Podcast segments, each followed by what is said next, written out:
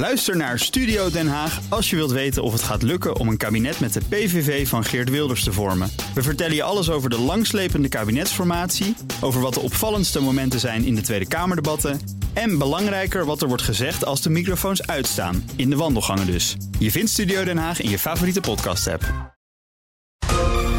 Heb jij de BNR-app al? Met breaking news in de podcast De Taxioorlog? Download de app en. BNR Nieuwsradio. BNR breekt. Ivan Verrips. Goedemorgen en welkom. Vanaf half twaalf praat ik uitgebreid over uh, ja, het nieuws van de dag. En dat gaat natuurlijk over Polydan. Weerman Reinhard van den Born spreken we over de zwaarste zomerstorm ooit gemeten. Heb ik het ook over met mijn twee panelleden... die wonderwel hierheen zijn gekomen, allebei vandaag. Goedemorgen, Hede Bruisma, maker van de podcast Juridisch Geneuzel. Goedemorgen. Fijn dat je er bent. En Anneke Metzger, lid van SER Topvrouwen... directeur Facility and Projects bij Landal Green Parks. Goedemorgen. Goedemorgen. Bomen zien omvallen op de snelweg, begreep ik? Ja, daar lagen er al twee. Toch een wonder dat je hier bent, eh, veilig en wel. Fijn. We gaan uh, zo meteen naar ons breekijzer. Maar eerst even kort nou naar die storm van vandaag. Poli, de hevigste zomerstorm in Nederland ooit gemeten. Die raast nog steeds door het land. In verschillende provincies is het code rood. In Noord-Holland tot 12 uur. In Flevoland tot 1 uur. En in Friesland tot 2 uur. En dat geeft ook wel een beetje aan hoe die storm zich eh, door het land aan het begeven is momenteel. Storm zorgt voor veel overlast. Alarmnummers die overbelast dreigen te raken. Nou, inderdaad, dus probleem op de weg. We zien op dit moment op de A9 al bomen de weg opwaaien. Dus dat de weg ook echt versperd is. Ja, wegen dicht, maar ook uh, uh, vrachtwagens omgewaaid en dergelijke. En ook veel gestrande reizigers door openbaar vervoer dat plat ligt. We raden eigenlijk iedereen aan uh, om hun reis gewoon even uit te stellen. Want dat is het verstandigste, want je weet niet of je aankomt op je bestemming. Nee, ga maar niet met de trein, zei Rob Hageman, woordvoerder van de Nederlandse Spoorwegen. En voor de lijn ja, boven Amersfoort en ook Noord-Holland en Flevoland geldt dus dat er eigenlijk geen treinen meer rijden. En dat ook maar de vraag is of dat later vandaag nog wel gaat gebeuren. Um, zometeen dus over een minuut of twintig een wat uitgebreidere update ook over het weer zelf. Maar eerst gaan we even naar onze verslaggever Roger Dankerlui. Die is in IJmuiden. Goedemorgen, Roger. Hey, goedemorgen Iwan. Ja, en vanochtend was het daar een uur lang windkracht 11. Het is daar geloof ik iets minder inmiddels, maar hoe, hoe heb je het daar? Nou, je kan een beetje uh, bijna ja, verticaal zo een beetje tegen de wind uh, in gaan staan. En uh, weinig mensen die zich naar buiten wagen. Maar ik heb er toch eentje gevonden. Wat doe je buiten? ik woon hier op een boot en ik moet naar de wc. Maar dan moet ik een stukje lopen voor. dus, ja. En hoe is dat, dat looptochtje van 100 meter? Ja, niet zo fijn. Waait alle kanten op, altijd altijd zand in je gezicht. Heb je dit wel eens eerder meegemaakt? Nee, niet, niet zo extreem als nu hier. Nou, snel naar het toilet ja. toe voor jou. Dankjewel, werk ze nog. en ik sprak net uh, de havenmeester. Die zei van nou, dit heb ik nog nooit meegemaakt. Uh, windsnelheden van 145 km per uur, windkracht 11. Uh, hij vertelde ook dat de boten van de haven van IJmuiden... in ieder geval niet gaan uitvaren. Daar is het weer echt te extreem voor. Alles zit hier op slot. Vlaggen die uh, zijn kapot gewaaid als ik zo om me heen kijk. En vanmorgen was ik op Schiphol, waar ik ook wat gestrande reizigers sprak. Die flink baalden, want bijvoorbeeld kreeg eentje te horen dat ze twee dagen later kunnen vertrekken. En dan vanuit België, maar dat kostte ze gelijk ook twee vakantiedagen. Nou, zo te horen is de wind hier inderdaad behoorlijk gaande. Uh, Schiphol dus, en uh, net ook in het nieuws te horen, heel veel dingen die stil liggen. Ze zeggen ook, ik ga niet de weg op. Ik heb toch even getrotseerd ja. om hier naar Muiden toe te gaan. Als ik om me heen kijk, is het inderdaad uh, vrij verlaat. Ja, en geen stormchasers dus, die zou je wel verwachten. Dit is het moment voor al die stormgekkies om naar het strand te rennen. Ja, dus misschien dat die gekkies zelf ook nog denken van... nou, nog even wachten. Ik zag wel een aantal mensen hun hond uitlaten. Aangelijnd, wat op zich dan ook wel weer gevaarlijk kan zijn. Mm -hmm. Maar uh, ja, een aantal gaan wel de weg op. Ja. Nou, Roger, uh, heerlijk. Even naar de wind luisteren nog. Oh, het is ook wel lekker een beetje uitwaaien XXL. Uh, hou het uh, rustig daar, dankjewel voor dat je, goed dat je bij ons was. En zometeen om half twaalf, ik zei het al, over twintig minuten... meer over Stormpoli met uh, Weernoud, Weerman Reinoud van den Born. Dan kijken we vooral even naar de situatie. Waar is het nu het ergst? En gek is bedoeld, ik ga ons liefkozend, hè, want ik volg ze allemaal op Twitter. Al die stormchasers. We gaan naar ons breekijzer. BNR breekt. Breekijzer. Heeft te maken met gokken. Een groene dat is raar, maar met die rap gewapende voetballers zijn we wel klaar. Elke wedstrijd goed, Vreselijk. Het is dat ik nooit tv kijk. Online gokken. Sinds afgelopen zaterdag is ongerichte reclame voor online kansspelen verboden. Maar volgens een uitgebreid artikel in NRC vandaag is het kwaad al lang geschied. Door ruimhartig overheidsbeleid heeft ons land er 450.000 nieuwe gokkers bij. En dat zijn vooral jongvolwassenen. En dat is toch wel opvallend, want we proberen alcoholgebruik tegen te gaan... eh, roken tegen te gaan, obesitas tegen te gaan. Maar online gokken, dat hebben we eigenlijk ja, lekker aangesmengeld... met dus een half miljoen nieuwe gokkers. Heeft reclame voor online gokken meer kwaad dan goed gedaan? Daar gaan we over praten. De komende 12 minuten in ons breekijzer. Onze stelling is... eh, de legalisering van online gokken moet worden afgeschaft. En ik ben heel benieuwd hoe jij erover denkt. Laat het online gokken ja, eh, eh, niet teruggaan naar het illegale circuit. We kunnen er misschien beter zicht op houden. Dan ben je dus tegen de stelling. Of vind je het eigenlijk te gek voor woorden dat de overheid zoiets toestaat... en moeten we daar gewoon mee stoppen en dit niet faciliteren? 020 468 4 keer 0 Als je nu belt, kom je zo meteen bij me in de uitzending. Breekijzer vandaag, dus de legalisering van online gokken moet worden afgeschaft. 020 468 4 keer 0 Ehm, je kan ook reageren via eh, BNR Nieuwsradio op Instagram. In de stories is dat dan. Krijg je over een minuutje of eh, 12 een tussenstand van me. Maar het leukste is als je even belt. Nog één keer het nummer 020 468 4 keer 0 De legalisering van online gokken moet worden afgeschaft. Zometeen hoor je hoe mijn panelleden erover denken. Maar ik begin bij Arie Dijkstra. Hij is hoogleraar gezondheidspsychologie aan de Rijksuniversiteit Groningen. Goedemorgen. Goedemorgen. Ja, ehm, als we dat artikel uit NRC zo lezen... dan lijkt het misschien niet per se een succes te zijn geweest. Wat vindt u? Afschaffen, die legalisering van online gokken?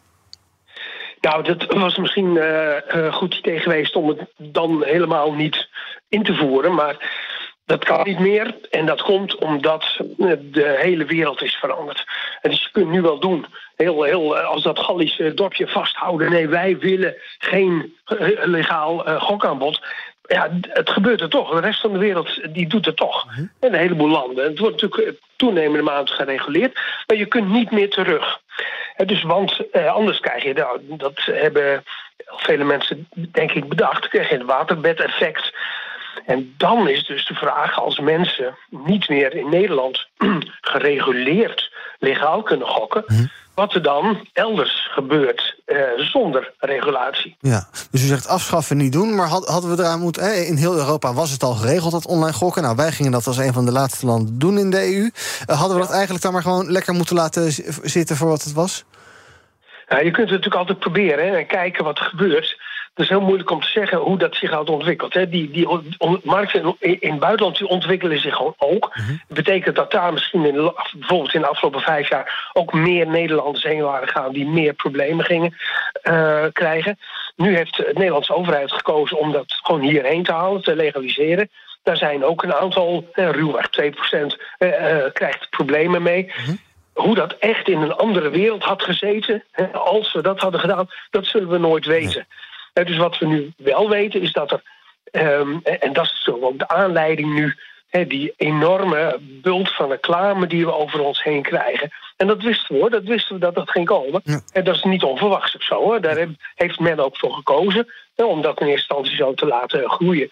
Ja, dat maakt dat we echt gaan denken, ja, maar is dit wel goed? Zitten we op de goede weg? Ja, en die 450.000 eh, nieuwe gokkers, baart u dat zorgen? Nee, ehm, nou, ten eerste hadden we dat wel verwacht. Ik heb ruwweg eh, vijf jaar geleden ongeveer gezegd... eh, ik verwachtte tussen de 100 en de 800.000 nieuwe.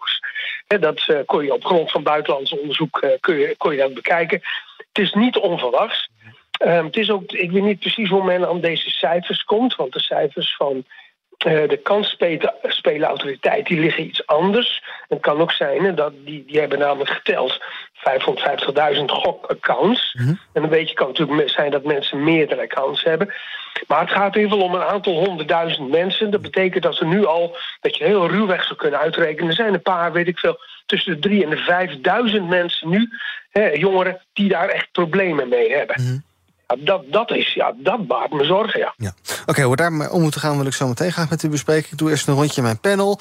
Ons breekijzer vandaag, de legalisering van online gokken moet worden afgeschaft. Als jij erop wil reageren, bel je nu naar 020 468 4 keer 0 Dan vraag ik nu aan Anneke Metzer wat ze ervan vindt. Moeten we het afschaffen? Mee stoppen? Nee, ik denk niet dat we het moeten afschaffen. Ik denk dat je het beter kunt legaliseren en kunt reguleren.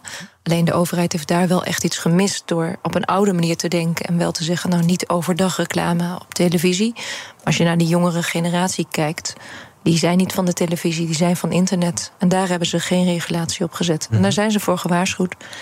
Niet geluisterd. En dan heb je ook uh, toch echt uh, ja, de brokken. Ja. En die jonge generatie die dus nu, die, nee, die 2%, die, uh, die 5000 jongeren wellicht. Mm -hmm ja, dat zijn hele sneuwe verhalen op de toekomst. Ja, maar het is ook wel een typisch verhaal dat we, ik zei het net al, allerlei maatregelen nemen om alcoholgebruik tegen te gaan, om uh, roken tegen te gaan, rookvrije generatie, dat soort zaken, om er mensen er te stimuleren dat ze gezond eten, maar dat we dan wel dat, on, dat online gokken hebben uitgebreid. Ja, maar ik denk dat je. Uh, het is er in de wereld. En zeker online is het overal te krijgen. Dus als je het niet in Nederland aanbiedt, dan zitten ze in Frankrijk of België of ja. China. Maakt niet uit. Dus je moet wel. Ja, ik denk dat het in die zin slim is om het platform gewoon gereguleerd te hebben. Ja, en maar die reclame, daar hebben ze zich wel flink aan vergalopeerd. Check. Dat blijkt. Oké, okay, Hidde, wat vind jij? Afschaffen? Nee, nee, nee, maar ik denk, ik, ik sluit me helemaal aan met wat er tot nu toe is gezegd. Maar ze zijn gewoon veel te soepel geweest met de reclame. En dat hebben ze volgens mij heel erg onderschat. Uh, hoeveel reclame er wel niet te zien was voor online gokplatformen. Ja. Ja, en ik denk dat je daardoor een hele grote groep hebt gekregen... die er misschien wel eens ooit over heeft nagedacht om online te gaan gokken... maar door al die reclames toch zoiets had van... nou, dan ga ik het toch eens een keer proberen. Ja, ja als je het nu weer illegaal maakt, dan deel je dus die hele groep... die deel je dus naar illegale websites om te blijven gokken. Uh -huh. Want die zullen er echt niet zomaar mee stoppen.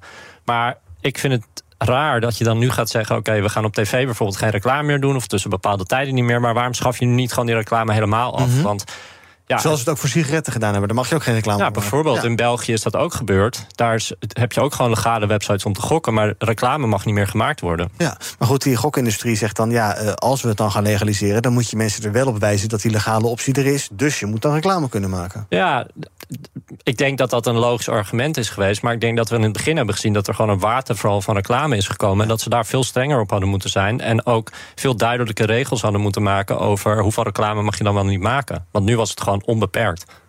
We gaan onze bellers. Jan, goedemorgen. Goedemorgen, Ivan. Um, ja, ik ben uh, er niet voor om het uh, online gokken te verbieden. Mm -hmm.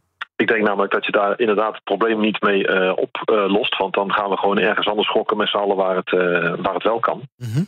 En er is geen zicht meer op. Bovendien, als je online gokken zou verbieden... dan zou je eigenlijk ook de staatsloterij en de lotto en de toto... en dat soort dingen moeten afschaffen... waar ja. dan de staat wel bij vaart. Ja.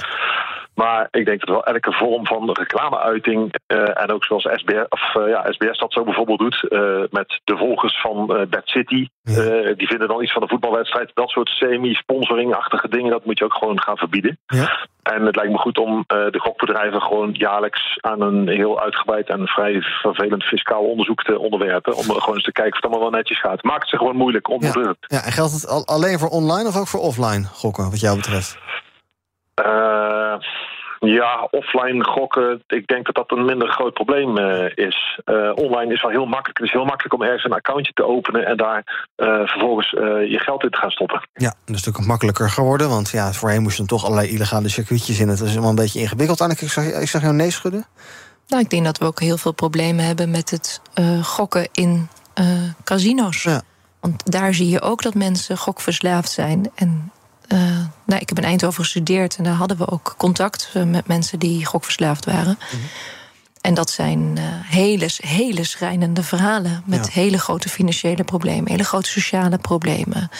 Ja, dat is zeer pijnlijk. En ja. ik denk niet dat dat zit op allebei de, op allebei de vormen. Zowel ja. offline als online. Ja. Peter Paul de Groei is van de NOGA. En dat uh, is niet uh, dat uh, snoepje wat je kan eten... maar dat is de Nederlandse Online Gambling Association. Goedemorgen. Goedemorgen. Ja, onze stelling dus. De legalisering van online gokken moet worden afgeschaft. Daar bent u het ongetwijfeld mee oneens. Waarom? Ja, ik ben het daar uh, zeer mee oneens, omdat dat uh, het paard weer uh, achter de wagen spant. we hebben sinds 2021 een stelsel met zeer strenge regelgeving. Je kan onder zeer strikte voorwaarden kun je een vergunning aanvragen als online kansspelaanbieder.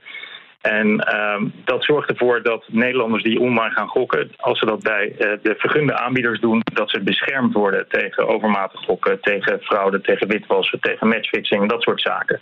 En dat was voor 2021 niet het geval. En uit allerlei um, onderzoek, uh, bevolkingsonderzoek, bleek dat Nederlanders massaal online gokten voor 2021 al. Ja, dus er is een, een, een, onderzoek van Motivaction geweest waaruit bleek dat ruim 1,8 miljoen Nederlanders regelmatig online gokten. Mm-hmm. Nou, laten het er een miljoen zijn. dat is natuurlijk nog steeds een hoop meer dan dat cijfer wat in dat NRC-artikel werd genoemd. Dus um, dat zou echt ontzettend slecht zijn. Ja. Heeft uw sector zich niet een beetje ja, vergalopeerd met die reclames? Want inderdaad, er is geen BN'er die we de afgelopen jaren niet voorbij hebben zien komen. Met, op shirtjes of uh, in, in reclamespotjes op internet, op, voor YouTube-filmpjes, overal. Ja, het werd wel allemaal uh, voorgedaan alsof het... Ja, je moest, je moest eigenlijk wel gaan gokken, anders was je toch wel een beetje een sukkel eigenlijk. Nou ja, over de, over de, de, de inhoud van de reclame uh, ga ik geen oordeel vellen. Maar bij elkaar opgetild was het best veel. Uh, er waren natuurlijk al veel reclames voor, uh, voor loterijen en voor Holland Casino en voor, voor andere vormen van, van gokken. En daar kwam online gokken bij. En we gingen van een situatie waarbij er geen reclame voor online gokken was naar nou, best wel veel reclame voor online gokken. Mm-hmm. Dat heeft tot een enorme tegenreactie geleid. En ik heb wat dat betreft goed nieuws voor uw luisteraars en panelleden. Want sinds 1 juli jongsleden is er een verbod op ongerichte reclame voor online kansspelen in werking getreden. En per uh, 2025 is het ook gedaan met uh, sponsoring door online groepbedrijven. Dus um, de, de, de, de, irritatie is, dan, is dan afgelopen. Peter Paul de Groei, dank voor het bellen. Uh, we praten dus over ons breekijzer. De legalisering van online gokken moet worden afgeschaft. Um, uh, nog even praten over het Toto bijvoorbeeld. Er was, uh, wordt in het NRC-artikel geschreven... een poging gedaan door het ministerie om ja, gokbedrijven terug te fluiten. Bijvoorbeeld toen zij vonden van ja, die hoeveelheid reclames liepen volledig uit de hand. En toen zei Toto, wat dus eigenlijk een, ja, een staatsdeelneming is... die zei nee, dat gaan we niet doen. Um, is dat niet een beetje raar eigenlijk? Ik vind dat heel raar. Dat je ministerie zegt, je eigenaar zegt... joh, doe eens even wat minder. En de Toto zegt, nee, wij maken gewoon lekker De staat heeft 99% volgens mij van de aandelen van Toto. Uh -huh. Dat is toch heel bijzonder dat je dan niks aan hun kan opleggen. Ja. Ik, ik, ik snap niet zo goed hoe dat werkt. En ook hoe dat gaat in zo'n bestuurskamer. Dat ze gewoon zoiets hebben van, gaan we niet doen. Ja. Geen zin in. Anneke, kan jij een beetje verplaatsen in de rol van Toto? Nou, wat ik me kan voorstellen is dat we nog een consolidatie krijgen. Je hebt natuurlijk nu best wel veel partijen die de markt op zijn gekomen. Het gaat nu om marktaandeel. Nou, dan heb je de, de boardroom die gewoon snoeihard zegt: uh, Ik wil winnen. Ik wil marktaandeel. Ja, ik wil marktaandeel. En dat is beter op de lange termijn dat wij dat hebben dan, uh, dan Pietje Puk. Ja. ja, dus in die zin uh, kan ik me er wat bij voorstellen. Is dat natuurlijk gek en tegenstrijdig. Ja, dit is heel maf. Ja. Meneer Dijkstra, u zegt er zijn toch minstens enkele duizenden uh, ja, uh, problematische gokkers bijgekomen. Is daar, mm -hmm. is daar goede en voldoende zorg voor in ons land? Ja, in principe hebben we alle kennis in huis uh, om die goed te begeleiden als het gaat om gokverslaving. Maar het is natuurlijk de vraag of die mensen, want dit zijn inschattingen, we kennen ze niet allemaal, ze zijn niet allemaal geregistreerd. Ja, dus om die mensen te bereiken, ja, dat is natuurlijk wel anders, want er speelt natuurlijk ook veel schaamte. Uh, ja, als je gokproblemen hebt. Ja, dus, en, maar goed, weet je, daar gaat, dit, dit hele verhaal gaat daar eigenlijk om. Hè? Mm -hmm. Dus verder, kijk, dat die reclames soms ook irritant zijn, oké, okay, dat is rot. Maar dat is geen reden om de reclame te verbieden. Het gaat echt om de problemen. En daarin maakt u, vergeleken ook net met roken en alcohol, daarin maakt de overheid we modderen in Nederland door. Met roken modderen we door. Met, hè, want dat is nog steeds betaalbaar. Met alcohol uh, modderen we door. De, veel ellende komt door alcohol. Met gokken doen we dat ook. En dat betekent dat de overheid een belangenafweging maakt... van hoe belangrijk vinden mensen dit... hoe belangrijk zijn de businessmodellen, de economie aan de ene kant... Mm -hmm. en hoeveel problemen bij individuen uh, levert het op aan de andere kant. En die balans, hè, dat is, daar is Nederland die heeft daar een soort van karaktereigenschap in. Dat ze daar gewoon ja, uh, relatief tolerant in zijn. Ja, en er zijn wel allerlei uh, eisen aan die gokbedrijven gesteld... Hè, als het gaat om juist tegengaan van verslaving. Uh, maximumbedragen die je mag, mag uitgeven en dergelijke. Wordt dat goed nageleefd, naar uw idee? Um, weet ik niet goed. Ik weet wel dat de regels uh, op zich um, uh, goed zouden moeten werken. Uh -huh. Dus als die regels goed worden toegepast, dan zouden ze goed moeten werken. Ik weet niet of de kansspelautoriteit in staat is om dat allemaal precies bij te houden. Wat ze ongetwijfeld zullen doen, is uh, met audits werken. Dat, dat ze één keer in zoveel tijd gaan ze naar een bedrijf toe en zeggen... nou, laten zien wat voor maatregelen jullie allemaal precies nemen... en wat zijn, wat zijn jullie criteria. En als ze dat niet goed doen, kunnen ze misschien een boete krijgen... Hè, of eh, moeten ze dat verbeteren? Ik weet de exacte cijfers daar niet van. Maar nogmaals, dat hangt er echt vanaf hoe belangrijk vindt de overheid dat. In principe kan de overheid ervoor zorgen dat, het, uh, allemaal, dat er veel minder probleemgevallen komen. Maar dat is in, in conflict met het businessmodel. Want als je het minder probleem wil hebben, moet je het minder leuk maken, meer drempels opwerpen. En dat is precies waardoor je ook minder geld gaat verdienen. Ja, dus daar stond nog wel flink werk aan de winkel. Ik dank Arie Dijkstra, hoogleraar gezondheidspsychologie aan de RUG, de Rijksuniversiteit Groningen. Ja, ik kan het toch niet laten. Even kort, meneer Huigens nog. Goedemorgen. Zegt u maar. Um, ja, wat moet ik daarop antwoorden? Uh, ik zou het antwoord willen geven wat de hele wereld weet. Dat is in Nederland kun je eigenlijk alles. Je kan er drinken, je kan er gokken, je kan dit, je kan dat. Dus mijn vraag is, wat doet nou concreet de overheid? Want die, die kijkt toe. en er komen er veel mensen hier naartoe, omdat hier een walhalla is van... Uh, nou, niks is verboden, alles kan. Ja. Dus ik vraag wat de overheid aan doet. Aan doet bijvoorbeeld uh, in de richting van onderwijs.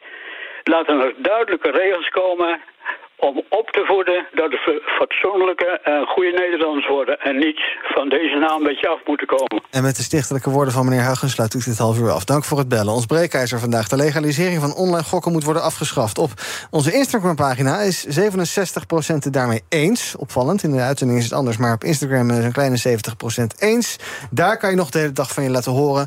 Uh, zometeen dan uh, gaan wij uh, verder praten over Storm Poli... met Reinhard van den Born van Weer.nl. Heeft inmiddels een eerste dodelijk slachtoffer geëist. Een dame in Haarlem van 51 die is omgekomen door een boom op haar auto.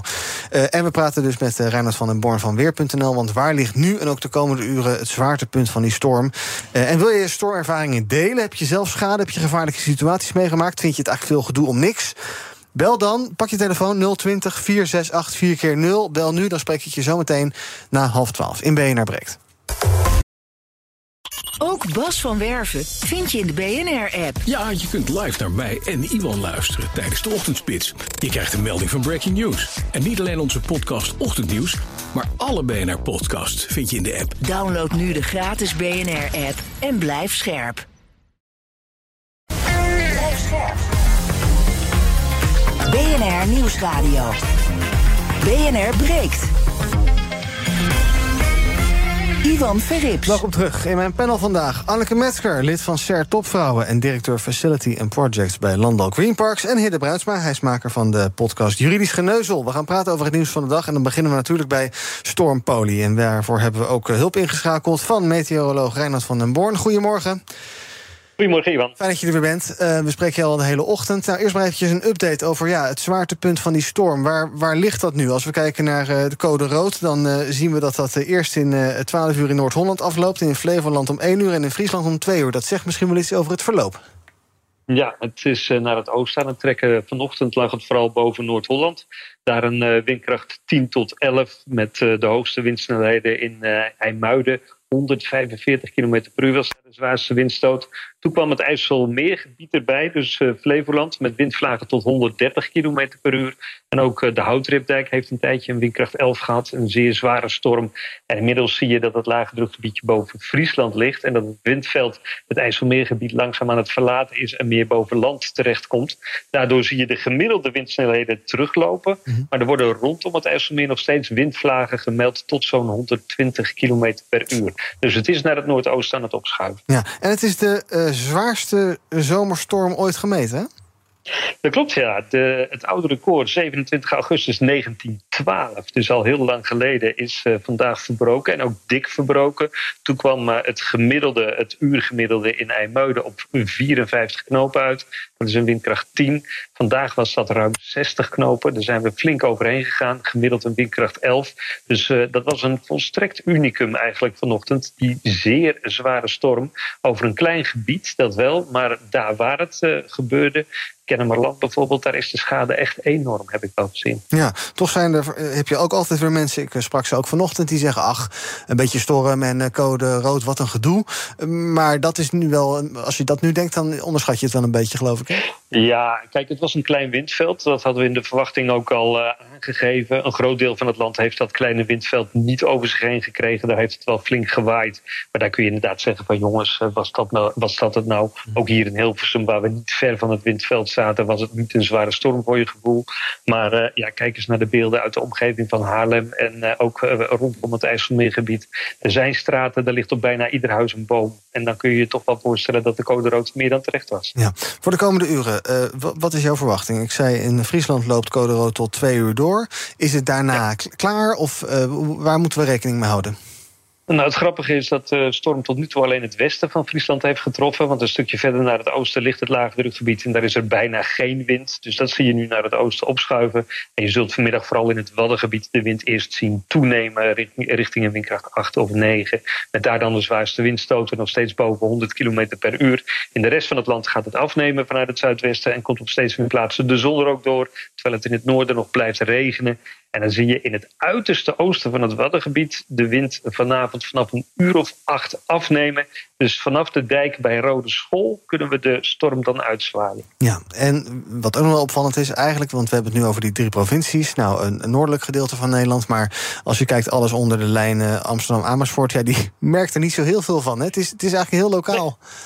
Klopt, de zuidelijke helft van het land heeft er heel weinig van meegekregen. Daar zag je bovenland windsnelheden van zo'n uh, 5, 6 boven. Dus dat is een vrij krachtige of krachtige wind.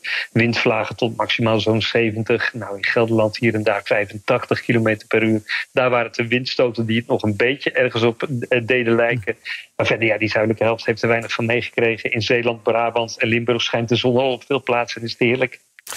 Nou, dat, laten we nou maar ons uh, verheugen op uh, lekker weer ook in de rest van het land de komende dagen. Dankjewel, Reinhard van den Born van Weer.nl. uh, ja, het niet overwogen nog om thuis te blijven hidden? Dat je zegt, nee, nou, is tien minuten lopen voor mij. Ja, nou ja, toch. Uh, ook hier op Prins Bernhardplein, uh, allebei takken en bomen halfbakken afgebroken. Ik vind het ook altijd wel weer lekker of zo. Zo een beetje, beetje door de wind lopen. lopen. En een beetje, tuurlijk, je moet wel opletten en misschien niet te veel onder de bomen gaan lopen. Maar ja. het heeft ook altijd wel wat om een beetje door die hele harde wind te lopen. Ja. Was dit jouw gevaarlijkste autoritje ooit, Anneke, denk je? Ik ben nog niet eerder zoveel bomen tegengekomen. Nee. Op de weg bedoel je? Op de weg. Ja. Maar eigenlijk, ik reis normaal altijd met de trein. Als ja. het kan, dan, dan doe ik dat graag. Ook vanuit duurzaamheidsperspectief. Dat was vandaag niet helemaal mogelijk. Nee. Want dan was ik hier niet gekomen. Dus nee. dan, dan, had ik het op een andere manier moeten invullen. Ja. Dus, uh, maar nu kon de auto nog, uh, nog wel helpen. En die staat nu in een parkeergarage. Dus dat niet ja, op straat die staat veilig. Ja. ja. precies. Nou, nog één keer heel kort dan eventjes. Uh, advies nog steeds van Rijkswaterstaat. Zeker in die drie provincies. Ga daar de weg niet op als het niet nodig is. Er zijn dus allerlei wegen dicht. Je krijgt over 20 minuten weer een update van de ANWB... vanwege omgevallen bomen, omgewaaide vrachtwagens.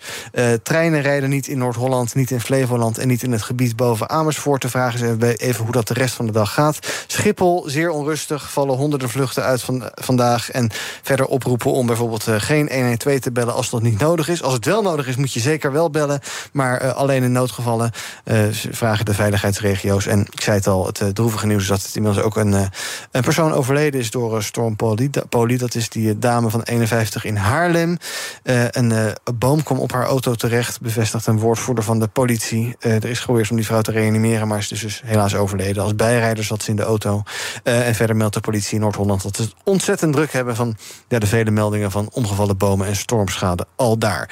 Tot zover nu. Um, mocht er meer nieuws zijn over poli, hoor je dat uiteraard hier op BNR. Zometeen in de nieuwsupdate weer. We houden uiteraard onze website bij bnr.nl. En wij gaan verder over ander nieuws van vandaag. Te beginnen met werkgevers. Die gaan. Uh, ja, niet zo makkelijk meer de lonen verhogen als dat de afgelopen tijd is gebeurd. Althans, dat blijkt uit een rondgang van nu.nl. Jannes van der Velde, dat is de woordvoerder van de AWVN, de werkgeversvereniging, die zei een paar dagen geleden nog over die strijd om uh, hogere lonen voor werknemers het volgende. Dat zullen ze heel goed moeten onderhandelen om voor elkaar te krijgen wat ze voor elkaar willen krijgen. Die werkgevers die zijn natuurlijk ook niet gek. Die weten wat er speelt, welke inflatiecijfers er zijn, dat er een verandering in die inflatiecijfers is. Ja, inflatie, daar heeft het dus allemaal mee te maken. Uiteraard, uh, snelle raming, inflatie 5,7% vorige maand. Um, uh, werkgevers die moesten misschien toch wel gaan toegeven aan de eisen de afgelopen tijd van de werknemers om er, uh, nou ja, 10% bij te doen. Maar dat is nu wel voorbij, denk jij, Anneke? Ik denk het wel, maar ik denk dat het ook verstandig is. Even los van dat ik geloof dat iedereen een eerlijke, eerlijk loon moet krijgen en bestaanszekerheid moet hebben. Dat is gewoon basis. Mm -hmm. Maar wat ik daarbij wel wil, wil zeggen is... vaak zie je vanuit, vanuit de vakbonden... en die zeggen van je willen tweecijferige compensaties... Maar de basis is dat een bedrijf er is voor de lange termijn. En die heeft ook die verantwoordelijkheid. En als je ziet wat er nu aankomt, en natuurlijk, uh, dan moet je dat meenemen. Dan kun je wel zeggen: ik geef iedereen 10, 12 procent. Maar je moet kijken hoe jij je bedrijf op een goede manier naar de toekomst brengt. Mhm. En ik denk dat het logisch is dat daar nu enige stabilisatie in komt. Ja, en dan misschien ook nog wel eh, macro-economisch gedacht... is het wel zo verstandig als je al die mensen er maar steeds zoveel bij geeft? Nou, dat brengt de kosten voor het bedrijf omhoog. En je ziet nu al, ook eh, gisteren bijvoorbeeld artikel in het NRC... dat de industrie echt al een vertraging laat zien. En dat, zijn, uh, ja, dat is ook de lange termijn. Ja. Um, hebben werkgevers, uh, ja, werknemers genoeg gecompenseerd, denk je, Hidde? En is het, uh, ja... Ja, ik denk op zich dat er, dat er flink wat loon bij is gekomen het afgelopen jaar. En ik denk dat je inderdaad ook moet opletten. Het is al vaak gaan over de loonprijsspiraal. Ja. Dat je ook niet wil dat alle prijzen blijven doorstijgen... omdat steeds die lonen omhoog gaan. En dat je op een gegeven moment die inflatie gewoon helemaal niet meer onder controle hebt. En ik denk dat, dat het daarom wel goed is dat, dat er op gelet wordt. En dat er niet weer 10, 20, 50, 25 procent bij komt uh, ieder jaar... om maar die lonen met dubbele cijfers te blijven verhogen. Ja. Dus ik denk dat het wel goed is dat daar op een gegeven moment een soort rem op komt. Ja, 25% loonsverhoging, dat zou ik ook wel willen. Nou ja, dat is gebeurd in de financiële sector. Advocatenkantoren die hebben gewoon 17% inflatiecorrectie gekregen. En er zullen ook kantoren bij zijn waar het misschien wel boven de 20% is Ja. gegaan. Dus, dus het zijn geen cijfers die niet voorkomen. Nee. Moeten vakbonden wat eh, meer een beetje inbinden ook? Met, eh, Nou, ik denk dat vakbonden wel een beetje moeten gaan opletten met hun onderhandelingspositie. Want ik, ik zag dat ze toch wel nu weer zeiden: ja, we gaan toch gewoon weer voor die dubbele cijfers. Maar het houdt natuurlijk wel een keer ergens op. Eh, en het is natuurlijk ook vervelend als je dan vervolgens helemaal niks er meer uithaalt voor je werknemers. Ook Bas van Werven vind je in de BNR-app. Ja, je kunt live naar mij en Iwan luisteren tijdens de ochtendspits. Je krijgt een melding van Breaking News. En niet alleen onze podcast Ochtendnieuws, maar alle BNR-podcasts vind je in de app. Download nu de gratis BNR-app en blijf scherp. BNR breekt. Ga kijken naar wat jullie is opgevallen in het nieuws. Hidde, jij neemt altijd eh, me- meestal wel iets van iets innovatiefs mee. Iets eh, nieuws, iets leuks. Ja. En jij wil het nu hebben over de droppler. Ja. Ik ken wel de dopper. Dat is die fles die iedereen in de keukenkastje heeft staan in 15 fout. Maar dit is de droppler die van, Van eh Ab Verhegen. ja, die van woestijnlucht drinkwater kan maken. Ja, Even uitleggen. Nederlands bedrijf, Sun Glacier Technologies. En hij is eh, van origine is hij kunstenaar. En hij heeft op een gegeven moment heeft hij een apparaat ontwikkeld waarmee ze van lucht en zonne-energie water kunnen maken. En hoe dat nou werkt is dat zij zetten zo'n apparaat bijvoorbeeld in een woestijn. Daar gaat warme lucht in, maar die gaat door een koude regendouche heen. Dus in dat apparaat zit een, zit een koude regendouche gebouwd. Ja. Ehm, en vervolgens komt daar weer extra water uit. En ze kunnen met dat kleine apparaat 30 liter per dag aan water opwekken. Met alleen maar lucht, zonne-energie en water wat er dus al in zit. Oké. En wat moet je daarmee? Nou ja, het- we hebben afgelopen maanden hebben we bijvoorbeeld gezien in Spanje. Er waren dorpen waar het water werd afgesloten... of waar alleen nog maar bruin water uit de kraan kwam. Er zijn natuurlijk steeds meer gebieden in de wereld... waar je of geen water meer hebt... of water van hele slechte kwaliteit. Dan kunnen zulke apparaten kunnen er wel voor zorgen... Ja, dat je ook in die gebieden gewoon normaal drinkwater hebt. Ja. En ook water hebt voor bijvoorbeeld landbouw. Of dat je zelfs landbouw mogelijk kan maken op plekken... waar dat nu nog niet eens kan. Nee. Want dit kleine apparaat levert 30 liter op. Maar hij heeft ook een groot apparaat gebouwd wat 1200 liter per dag oplevert. Nou ja, dat begint al een stuk meer te worden. Mhm. Ja. Ja, ik vind, het, ik vind het super slim. Ik vind het geniaal. En ik denk wel, als je dit op grotere schaal kan gaan uitrollen. Ja, dat je daar wel een enorm probleem mee oplost. Ja, ik vraag me af of je niet de lucht veel droger maakt. Want je onttrekt dus eigenlijk vocht aan de lucht. Maar goed, dat is misschien een ander verhaal. In het artikel stond in ieder geval dat hij zei: ja, lucht is onbeperkt beschikbaar. Dus ik had niet het gevoel dat ze de lucht veel droger maakten. Ik denk dat de lucht in de woestijn sowieso al vrij droog is. Ja. Dus ja, kun je dat dan nog droger maken? Dat vraag ik me af. Overigens, wat moet ik met water in de woestijn? Het is niet voor niks een woestijn. Het is niet zo dat je daar het liefst... eh, Ja, maar er wonen ook mensen ja, in de gebieden die nu steeds meer woestijn worden. Dus het, ik bedoel, als jij bijvoorbeeld naar Cordoba gaat in Spanje. Eh, dat wordt, steeds meer dat woestijn. wordt steeds meer woestijn. Dus het, het is een probleem wat steeds groter wordt. En waarbij dit apparaat misschien wel een oplossing kan ja, bieden. interessante klanten, want Defensie is er geloof ik ook mee bezig. Hè? Wat willen Ja. zij daarmee? Ja, Defensie eh, zag ik dat zij testen deden in Mali eh, een paar jaar geleden. Mali? Eh, Mali, oh, sorry. Nee, een beetje een grapje van Frans Timmermans. Ja. Oh, nou, die ken ik niet. Ehm, en ja, zij zitten vaak op verlaten gebieden, gebieden waar het heel droog is. En dan zijn die apparaten zijn heel handig om daar, ja, om daar water te hebben. Fascinerend. Droppler. Droppler, ja. Dank, dank dat je dit deelde. Ja, tuurlijk. Anneke, jij wil het hebben over Parijs en vooral de Parisienne. Dat fenomeen. Wat vind je daar zo opvallend aan? Waarom wil je het daarover hebben? Nou, wat ik heel erg mooi vind aan het artikel wat ik hierover las, is dat ehm, eigenlijk de Parijse vrouw beter in balans is. Als je kijkt naar Nederlandse vrouwen en, en ook, ook vaders. eh, dat, dat als vrouw heb je meerdere rollen. Je bent een dochter, je bent een moeder. eh, afhankelijk natuurlijk welke levensfase je bent. Je bent een vriendin, je bent een, werk, een werkende. En in Nederland speelt er heel vaak een schuldgevoel over wat je moet doen. En toevallig ook vandaag het artikel wat net ook in het nieuws aangehaald werd... dat er heel veel burn-outs voorko- voorkomen. Mhm. De leeftijdsgroep van 25 tot 45 en vooral bij vrouwen. En ik denk dat je kunt... eh, wat de, de Parijse vrouw doet, is, is toch een stukje meer zichzelf centraal zetten. En daarin een betere balans vinden tussen al die rollen. Ja. Eh, dus bijvoorbeeld tijdens de studententijd of studietijd kiezen zij bewuster een studie wat ze echt leuk vinden en waar ze, waar ze carrière in kunnen maken, omdat ze uiteindelijk ook meer werken. Ze maken andere keuzes. Ze besteden dingen ook anders uit, meer hulp in de huishouding. au pairs en dergelijke. Maar durven dus ook twee uur lang te gaan lunchen. Ja. En daarmee zorg je dus ook dat je jezelf goed verzorgt. En ik denk dat als je, ehm, als je gewoon zelf goed in je vel zit, dat je die, ook die power hebt. En dat je daarmee dus ook in al die rollen weer een mooier mens bent, waar je weer meer waarde kunt toevoegen. Ja, dus Maar zijn dat, zijn dat vrouwen in wel een bepaalde, bepaald opleidingsniveau? Nee, helemaal niet. Of welstandsgroep? van- welstandsgroep? Nee, de- wat dus juist in het artikel zit, en, en de dame die hiermee bezig is geweest, die heeft juist van skateboarders tot aan eh, winkeldames, tot aan inderdaad die advocaten, gewoon heel breed in die samenleving. En dat, ehm, maar het gaat vooral om van. Maar ik vind dit een goed voorbeeld. Maar wat ik heel graag vrouwen mee zou geven is. Neem die rust om vanuit jezelf dingen te doen. Dat je zelf op een goede manier in het leven staat en ook aan jezelf denkt. Is de rode draad aan dat ze meer voor zichzelf durven te kiezen? Ja. Dat zonder dat je daarmee gelijk een egoïst wordt. Want dat, ja, iedereen kan natuurlijk wel aan zichzelf denken. Maar als je daarmee niet meer aan anderen denkt, dan wordt het een minder leuke wereld misschien. Maar Nee, je moet dus- Niet ego. Ja. Ja, dus- Probeer jij dat ook te doen? ja, ik werk fulltime. Ik heb een dochter. Maar dat kan ook zijn dat ik terugkom van, van een trip naar het buitenland. En dat ik dan, dan ben ik dus een avond eh, niet thuis geweest. Nou, dat kan mijn man helemaal prima. Die hebben dan de grootste salon, gaan vaak eh, met elkaar pizza eten of dat soort dingen. Die hebben, dat zijn echt leuke avonden. En dan de volgende dag kom ik terug. En dan kan het zijn dat ik bijvoorbeeld om vier uur terug ben. En dat ik dan juist mijn dochter alvast ophaal. Zodat ik met haar ook even speel. En eh, ik denk dat het gaat om dat je de momenten die je met elkaar pakt, dat je die ook kwalitatief goed invult. Dat je er lol hebt, dat je ontspannen bent.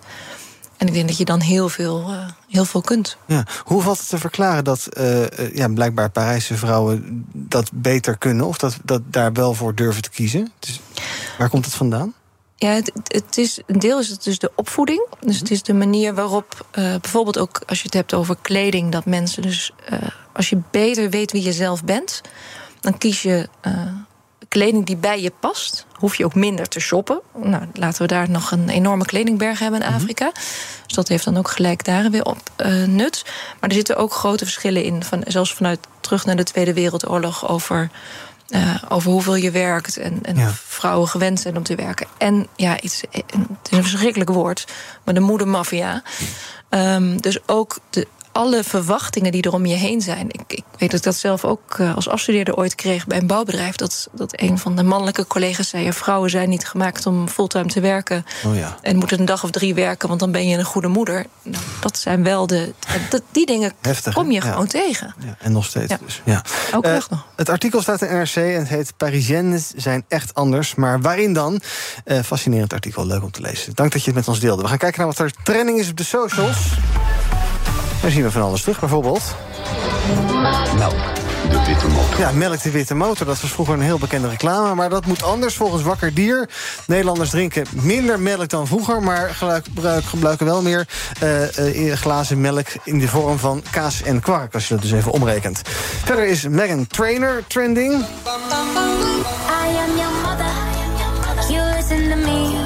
Ja, dat zegt ze waarschijnlijk ook tegen haar tweede zoon... waarvan de Amerikaanse zangeres net bevallen is. En eh, het hotdog-record gaat online, eh, gaat, uh, gaat trending... want in Amerika is er weer een bijzonder record verbroken. Binnen 10 minuten wist een Amerikaan 62 hotdogs weg te With werken. 62 hot dogs and buns in 10 minutes. For his 16th win, I give you the number one ranked eater in the world, Joey Chestnut! Ja, Joey Chestnut, wat een fantastische naam alleen al is.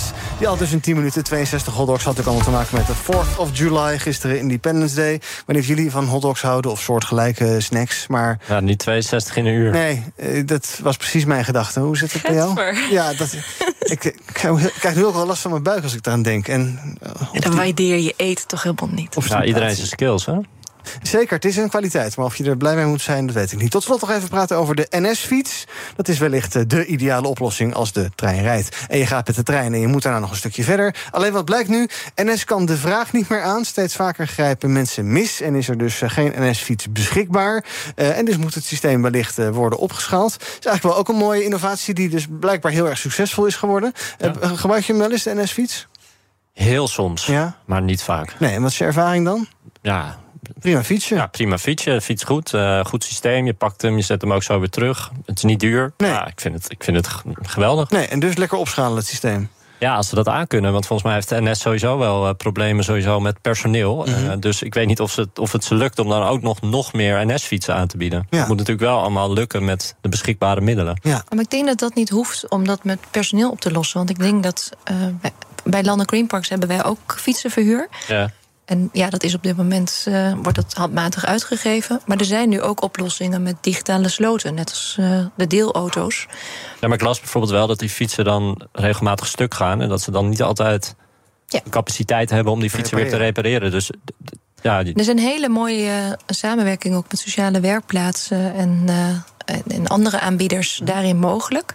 Maar het klopt, je, je blijft handwerk hebben aan dingen die kapot gaan. Maar ik vind dat heel mooi eh, aan een van de andere merken, waar ze ook juist vanuit het gebruik heel goed kijken van. ehm, moet een fiets dus een bagagedrager hebben? Nee, want dan gaat iemand achterop zitten en krijg je een slag in het wiel. ja. Eh, als je een andere buitenband doet, dan heb je minder lek.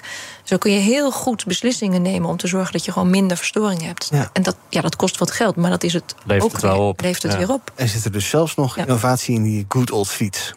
Check. Is dat. Dank jullie wel voor jullie aanwezigheid vandaag bij BNR Breekt. Anneke Metzger, lid van CER Topvrouwen... directeur Facility and Projects bij Landal Green Parks. En Hinde Bruinsma, maker van de podcast Juridisch Geneuzel. Waar gaat de laatste aflevering over? De meest testen op de werkvloer. Oh, leuk. Ja, en hoe, Niet wat leuk. je daar kan doen en hoe dat juridisch werkt. Heel goed, ga dat luisteren. Dank voor jullie aanwezigheid. Morgen ben ik er weer. Tot die tijd volg je ons via de socials. En zometeen is Thomas hier met Ook Bas van Werven vind je in de BNR-app. Ja, je kunt live naar mij en Iwan luisteren tijdens de ochtendspits. Je krijgt een melding van Breaking News. En niet alleen onze podcast Ochtendnieuws, maar alle BNR-podcasts vind je in de app. Download nu de gratis BNR-app en blijf scherp.